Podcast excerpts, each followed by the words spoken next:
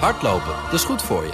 En Nationale Nederlanden helpt je daar graag bij. Bijvoorbeeld met onze digitale NN Running Coach... die antwoord geeft op al je hardloopvragen. Dus, kom ook in beweging. Onze support heb je. Kijk op nn.nl slash hardlopen. Wereldeconomie, de Duitse groei valt tegen en spaarrente naar 0%. Dat en meer bespreken we in het economenpanel met als gasten Roelof Salomons, hoogleraar aan de Rijksuniversiteit Groningen, Esther Barendrecht, hoofd van Rabo Research Nederland, Casper de Vries, hoogleraar monetaire economie aan de Erasmus School of Economics. En ook mijn zakenpartner is een econoom, Nora Neutenboom, senior econoom bij ABN AMRO. Welkom allen. Goedendag. Laten we beginnen bij die spaarrente. Er is eh, kritiek en ook wel begrip eh, voor het besluit van ABN AMRO om de spaarrente naar 0% te verlagen. In de Tweede Kamer termen als zorgwekkend, een provocatie, een bedreiging voor de financiële stabiliteit. Nora, je moet het me niet kwalijk nemen, ik wil toch bij jou beginnen. Begrijpelijk, ja. Dit is denk ik ingecalculeerde ophef, overal ophef over. Valt het nog mee? Uh, nee, het verbaast me eigenlijk wel een beetje. Zeker die 0%. Dus we zijn van 0,01 naar 0 gegaan. Dus laten we heel even snel het rekensommetje maken. Stel voor, je hebt een spaarrekening. Je hebt daar 10.000 euro op staan. Dan kreeg je dan voorheen, wat is het per maand, 83 cent op. Nu krijg je daar 0 cent op. Ik kan me niet voorstellen dat heel veel mensen, zeker met een bedrag van 10.000 euro op een spaarrekening, daar wakker van liggen. Het is dus niet rationeel. Dat is de belangrijkste verklaring. Dat verlagen naar nul, dat is volgens mij iets waarvan de meeste mensen ook aan deze tafel wel wisten. Dat zit er een keer aan te komen. Maar wie zet als eerste de stap? Precies. En wie krijgt dan de stront over zich heen? Ik denk dus dat dat zo verbazingwekkend is misschien ook weer niet. Nee, dat dat voornamelijk uh, het punt natuurlijk is. Dus welke bank gaat als eerste? Nou, dat was ABN AMRO. Uh, maar dit ligt natuurlijk ook al aan de lijn der verwachtingen. De ECB rekent al sinds 2014 een negatieve rente, uh, min 0,5 procent. En op een gegeven moment wordt dat een keer doorberekend. Dat betekent dat je als bank moet betalen om je geld te stallen. Precies. En, en, en de rekening moet dan ergens worden neergelegd. Is nog lang uh, eigenlijk voor iedereen uitgeschoven. Ja. Uh, Roelof, en nu gebeurt maar, dat wat mensen hadden er toch al voor. Uh, creditcards en al die dingen die, die zijn veel duurder dan wat, wat het uh, spaargeld oplevert. Dus het is gewoon kwats. Ja, en daar misschien nog bovenop. Het is natuurlijk in veel andere Europese landen, uh, zeker Zwitserland, Denemarken, Zweden, is al een tijd een negatieve rente. Je ziet daar dat banken ook gewoon hogere fees vragen. Dus eigenlijk praktisch is dat hetzelfde als 0% rente. Maar wat bedoel je met het is kwats? De hele discussie of hoe mensen nee, erover dat nadenken? er toch al een negatieve rente wordt geheven, precies zoals Nora aangeeft. Ten tweede, ik denk dat het, de Tweede Kamer ook boter op haar hoofd heeft. Want uh, de ECB zal hier blij mee zijn. Dit is precies wat ze willen. Ik wil toch even, Roelof, ik probeerde jou het woord ja, te geven. Nou, dat lukte niet, maar het gaat, gaat nu alsnog gebeuren. gebeuren.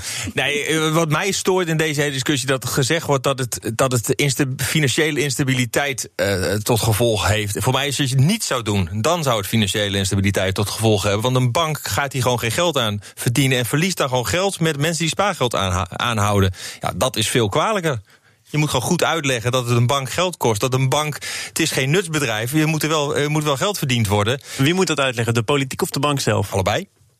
En, en gebeurt beide, het in voldoende mate? Beide schieten hier de boot uh, totaal. Uh, laat, laat, het hier, laat het hier liggen. Ja, misschien, ik snap ook niet helemaal wat er met zeg maar, financiële stabiliteit door de politiek wordt benoemd. Zijn ze dan bang dat alle spaarders weglopen en naar een andere bank gaan, wetende dat andere banken waarschijnlijk Tuurlijk. dit voorbeeld ook zullen volgen? Is dat zo, Esther? Gaan die banken dit voorbeeld allemaal volgen? Um, nou ja, volgens mij hebben uh, alle grote banken zitten in een vergelijkbaar. Nou, eigenlijk alle banken zitten in een vergelijkbare situatie. Uh, alle grote banken hebben ook al wel laten weten dat ze echt het heel onwenselijk vinden om negatieve rentes te gaan, te gaan doorrekenen aan, aan de gewone spaarder. Maar ja, we zitten in een bijzondere omgeving. En de ECB uh, zou best nog wel eens de rentes, de beleidsrente verder kunnen laten, kunnen laten ja. zakken. Dat is uh, bepaald niet uitgesloten. Dus ja, het is, het is best een bijzonder experiment eigenlijk van de, van de ECB. En feit is ook dat we niet weten hè, hoe, hoe consumenten erop zouden reageren als, uh, ja, als het echt tot negatieve spaarrentes zou komen. Wil je daar wel een uh, voorzichtige voorspelling aan wagen? Nou ja, nee, dus eigenlijk niet. Want we hebben gewoon. Uh, ja, daar, ik, het bijzondere is natuurlijk dat op zich nu de reële rente voor mensen is al negatief. Hè, want hun spaarrente is nou ja, zo rond de nul. En inflatie is veel hoger. Nou, dat is kennelijk ja, acceptabel. Sterker maar, nog, mensen er meer gaan sparen. Um, ja, ik begrepen uit de laatste cijfers. Ja, um, nou, dit noemen economen noemen dit geldillusie. Dat komt dat mensen dit hele proces niet helemaal begrijpen. En dat, dit doet heel langzaam pijn. Terwijl een negatieve rente, dat doet meteen pijn. En dat ja, zien en dat mensen heeft denk ik ook een grote dat symbolische waarde. Ja. Ja. Ja, misschien gaan we gewoon als de, net zoals de Duitsers en de Oostenrijkers gewoon weer met 50.000 uh, euro flapjes op zak Ja, lopen. en daar zit dan meteen het probleem. Want verder dan 0, min 0, min 1 procent of zo, dan, wordt het, dan, dan gaat het niet meer werken. Want de mensen gaan dan echt naar de bank toe om geld op te halen. Ja, en heel, dan, ja, dan, dan werkt het sommetje niet meer. Ja, dan kom je ook uit bij de reversal rate. Dus op het moment dat eigenlijk negatieve rentes averechts werken op wat de centrale bank probeert te bereiken. Uh, en daar zijn we denk ik nog wel ver vandaan, want dat is een vrij bekend begrip. En op het moment dat het inderdaad negatief wordt doorgerekend uh, en je krijgt dit soort effecten, dat mensen echt hun geld gaan opnemen, dat cash onder hun matras gaan stoppen, dat is natuurlijk geen wenselijk gedrag. Maar die matras en die oude sok, die heb ik in de Tweede Kamerdebatten nu al voorbij horen komen en dat is prematuur. Dat is prematuur, ja. Denk Ja. het ook. En bij, bij een negatieve rente van 1%, dan verandert de wereld. Begreep ik. Dat, is een beetje, dat zijn de sommetjes die economen gemaakt hebben. Dan wordt het, dan wordt het te, te lastig. Aan de andere kant, je moet natuurlijk wel een vrij groot matras hebben. Want voor ver- vermogende particulieren is het nu al het geval. Boven de 2,5 miljoen is het al, moet je al negatieve rentes betalen. Dus daar kan het al niet meer uit. Zelfs bij, ja, bij min een half. Maar voor de echte grote bulk, de, de man in de straat, ja, dan gaat het bij min 1. Wordt het dan waarschijnlijk te Er gevaarlijk. zijn toch ook landen, eh, meen ik me te herinneren, die een verbod hebben op negatieve spaarrente? Ik heb dat ook wel gehoord. Volgens mij is dat België. Ja, niet eens zo heel erg ver hier vandaan. Nee, omdat eh, de oproep was aan minister Hoekstra: grijp in, zorg eens dat dit niet kan. En minister Hoekstra heeft toen gezegd: eh, ja, maar de stap van ABN Amro, ik citeer hem nu, past binnen de contouren van de gesprekken die ik met de sector heb gehad. Ja. Ja, het gevaar is als je, het, als je het gaat verbieden dat je perverse prikkels krijgt. Want op de een of andere manier moet een bank moet wel geld gaan verdienen. Of dan gaat men, het risico is dat men zelf als bank meer risico gaat, gaat nemen. Ja, dat is precies die instabiliteit die waar politici nu voor roepen die ze niet willen. Ja, bij die gesprekken ben ik natuurlijk niet aanwezig geweest. Maar het is natuurlijk ook zo dat als mensen eh, geen eh, rente meer krijgen op hun deposito en spaarrekening, dat ze wellicht ook meer gaan investeren en beleggen. En dat is natuurlijk precies wat de ECB Ja. probeert te bereiken. Dat het geld gaat rollen. Maar tot nu toe blijkt dat dus niet. Want ik heb ook CEO's van banken op deze zender horen zeggen: er zijn alleen maar meer mensen die meer gaan sparen. Ja, dus dan krijg je inderdaad dat hoarding behavior. Dus dat mensen een bepaalde buffer achter de hand willen hebben. En op het moment dat die buffer niet groeit of slinkt op reëel niveau, omdat we natuurlijk ongeveer 2,6% inflatie hebben in. Nederland, eh, dan krijg je inderdaad dat gedrag. Ik, ik kwam een eh, citaat tegen van een eh, PVV-Kamerlid, Tony van Dijk, meen ik, die zegt: sparen moet lonen. Dat is natuurlijk iets wat we misschien tientallen jaren hebben gehoord. Ja. En misschien eh, is dat een soort volkswijsheid. Maar moet sparen lonen? Nou, dat is een hele leuke vraag. Want eh, uiteindelijk heb je natuurlijk eh, aanbod en vraag naar geld. En het feit is dat er heel veel aanbod is eh, van geld. Niet alleen omdat de centrale banken daar eh, hè, een, een, een duit in het zakje doen, maar ook omdat er gewoon eh, door de vergrijzing gewoon heel veel mensen. eh, ja, spaar, die, heel veel mensen sparen. Dus er is veel aanbod. En ja, dan is het inderdaad de vraag: moet dat dan nog heel erg veel ehm, opleveren? Als, als dat een vraag- beetje, ja, ik ben het met het is een beetje een onzinopmerking. We sparen ons met z'n allen suf. Nou, dat betekent dat de prijs van sparen dus heel laag is, want er is heel veel aanbod. Ja, maar het is een onzinopmerking, maar het is ook een soort eh, ja, dogma. Sparen moet lonen. Ja, het is een dogma. maar ja, je, dogma's je de mensen zijn. natuurlijk toch wel vluchten in andere zaken. Dus waarom is de huizenmarkt zo verhi- overhit? Ja, dat komt ook door dit eh, gedrag. Dan gaan we in andere zaken investeren. Casper, ook op jouw aanraden gaan wij het nu hebben over een oproep van Chris Buijink, de eh, voorzitter van de Nederlandse Vereniging van Banken. Die, daar is hij weer, de noodklok luiden over de belastingdruk eh, waar banken mee te maken hebben. Heeft hij gelijk? Nou, het, het is zeker zo dat, de bank, eh, eh, dat het leven voor banken een heel stuk minder leuk is geworden. En in Nederland hebben we nog een extra belasting vanwege systeemrisico, die hoger ligt dan in andere landen. Ja, dus je moet kant- geld in een potje stoppen om ervoor te zorgen dat het stelsel overeind blijft. Of banken kunnen helpen als het misgaat. Ja, maar goed, kijk, wa- wat er eigenlijk gebeurt is, en, en dat geldt voor het bedrijfsleven en, en de banken, en bij de banken is het ook nog een, een tweesnijdend zwaard, is gewoon die renteaftrek. Eh, waardoor, hè, dus op het eigen vermogen, wat je daarop verdient, dat, eh, dat, eh, daar kan je, dat, dat, is eh, belast. Maar eh, rente is niet belast. En bij banken werkt dat aan beide kanten van de balans.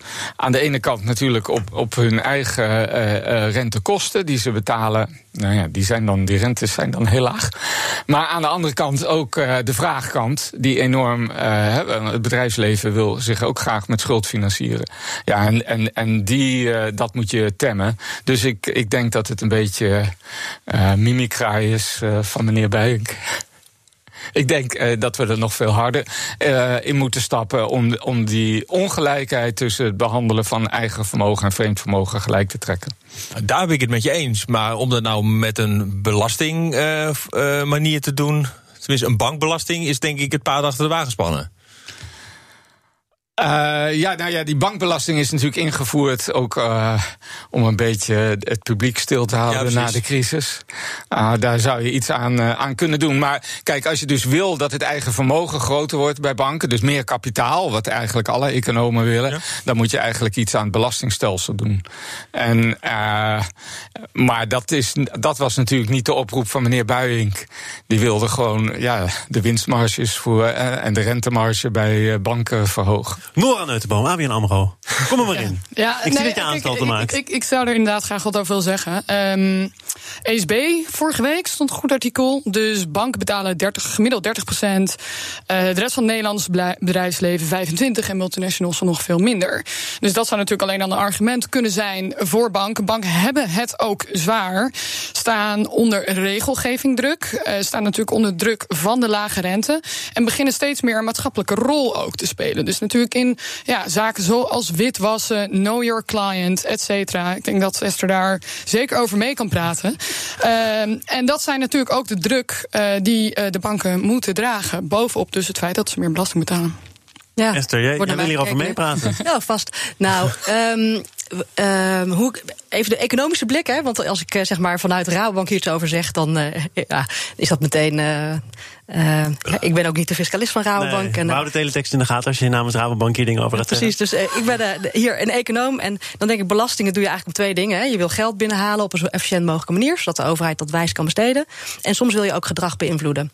En, um, en dat doe je dan door, door bijvoorbeeld slecht gedrag te belasten... of externe effecten te belasten. En... Ja, dit is eigenlijk in die zin denk ik een beetje een, een vreemd beestje. Want het, is, ja, het heeft... Uh, het heeft denk ik inderdaad een redelijk politieke reden gehad om na de crisis te laten zien van nou we willen de steun die gegeven is willen terughalen. Um, en er, is ook wel, er wordt ook wel het argument gevoerd van we willen banken eigenlijk bewegen richting minder risico nemen. Maar ja, daarvoor hebben we prudentiële regelgeving en allerlei andere uh, instrumenten die daar meer op ja, die daar meer geëigend voor zijn. Dus uh, ja. Maar ik, ik, denk wat ook parten speelt, is het feit dat gewoon alle bank, Europese banken en de Nederlandse bank ook, die hebben geweigerd om snel te herkapitaliseren. Ja. Hebben ze in Amerika gedaan. 2009 begon het geld alweer te rollen. Ja. En hier zijn ze, moeten ze nog steeds door winstinhouding uh, kapitaal versterken. Ja, en dan uh, visje, visje naast de boot. Uh, of, of dan, achter het net. Achter het net. De boot. Ja, je vist niet wel in de, naast maar ik bedoel, dat, dat, dat, hebben ze ook gedeeltelijk aan zichzelf te danken. Aan de andere kant, waar we wel voor op moeten passen, is de verschuiving naar schaduwbankieren. die dit soort uh, uh, ja, onevenwichtigheden veroorzaakt. Zaken doen.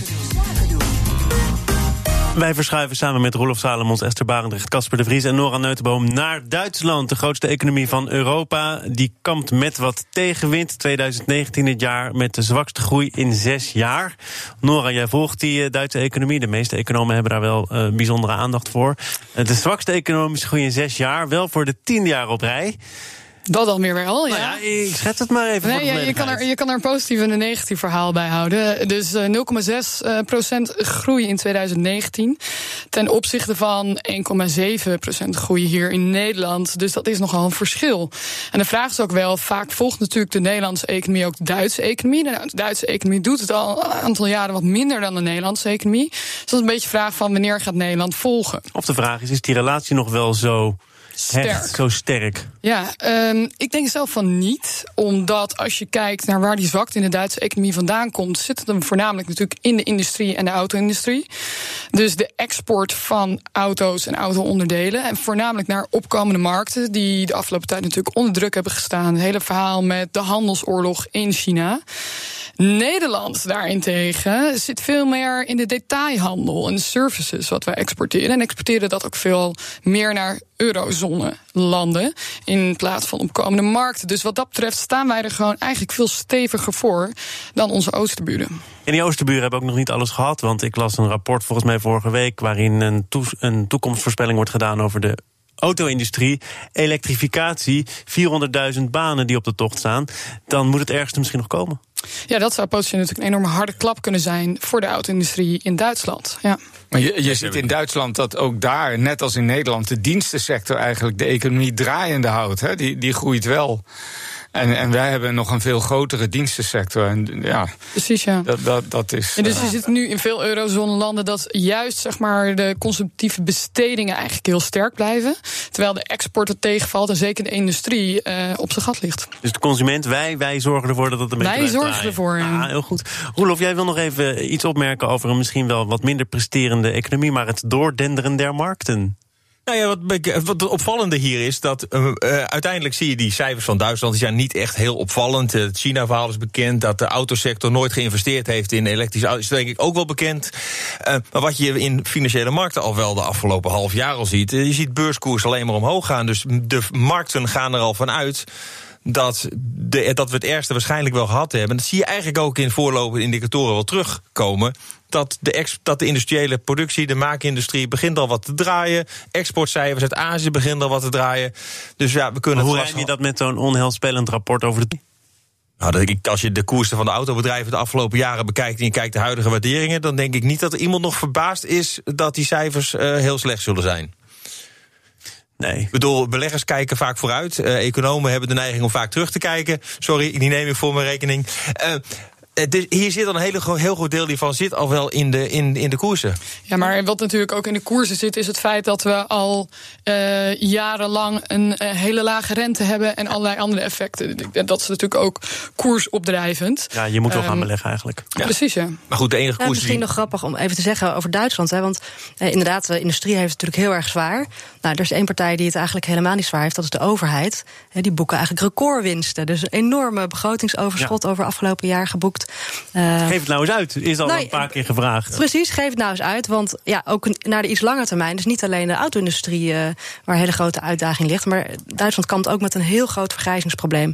Veel meer dan bijvoorbeeld. Nederland ook, maar Duitsland nog veel meer. Dus vanaf eh, ja, zeg 25 gaat daar het, het arbeidsaanbod echt afnemen. En dan moet je andere dingen verzinnen om nog te groeien. Maar, maar, eh, niet in navolging van Wopke en Wiebes. Maar in Duitsland zijn er ook plannen voor een groot fonds, een investeringsoffensief voor infrastructuur, scholen, ziekenhuizen. Al die zaken die misschien de afgelopen jaren niet voldoende aandacht hebben gehad. Nou, dus inderdaad nu over infrastructuur wat concretere plannen. Maar we moeten ons wel bewust zijn dat er ook heel veel achterstallig onderhoud eerst in te halen is.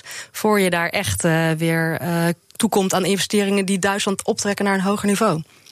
Zijn er hier nog mensen die dachten: was ik maar niet in de studio, maar in Davos? Helemaal niemand die graag een ticket had geboekt. Ja, ik zou graag weer, eh, graag weer kunnen schaatsen in Nederland. Maar dat. Oh, ja. En dat zeg ik, hou best van bergen. Ja, de enige plek waar we nog sneeuw kunnen zien waarschijnlijk. Eh, Is het, is het een eh, belangrijke bijeenkomst? Hè? De World Economic Forum is gaande. De wereldelite strijkt dan neer in Davos. En er wordt voorafgaand ook gecheckt wat vinden we belangrijk. Wat zou onze aandacht moeten krijgen en wat niet. Op nummer 1, net zoals vorig jaar, overigens de risico's van de klimaatcrisis.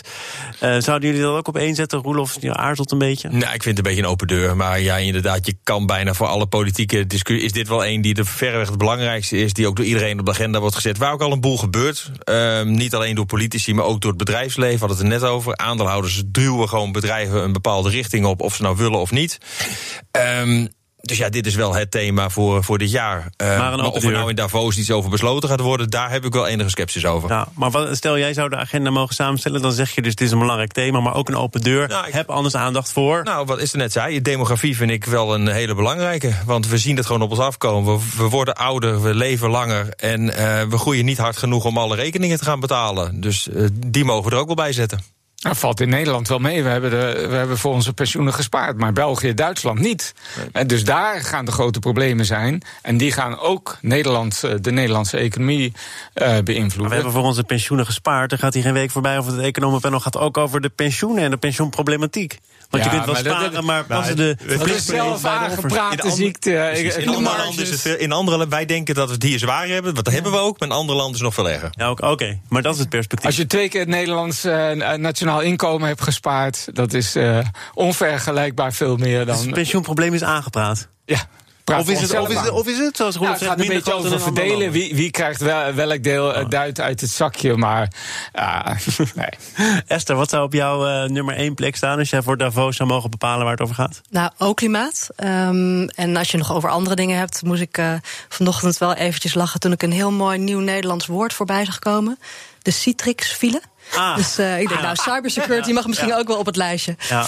Ja, nou ja, misschien nog aan te sluiten ook op het klimaatrisico. Wat natuurlijk ook daarmee te maken heeft, is het risico dat we bepaalde beloftes doen in klimaatakkoorden. En vervolgens ons niet aan die beloftes houden voor een tijdje. En dan moet er een inhaalslag worden gemaakt. Bijvoorbeeld omdat er een juridische uitspraak is dat we niet voldoende doen. Je hebt het nu natuurlijk met de stikstof gezien. De Raad van State zegt, nou, je voldoet daar niet aan. Grote crisis in de bouw.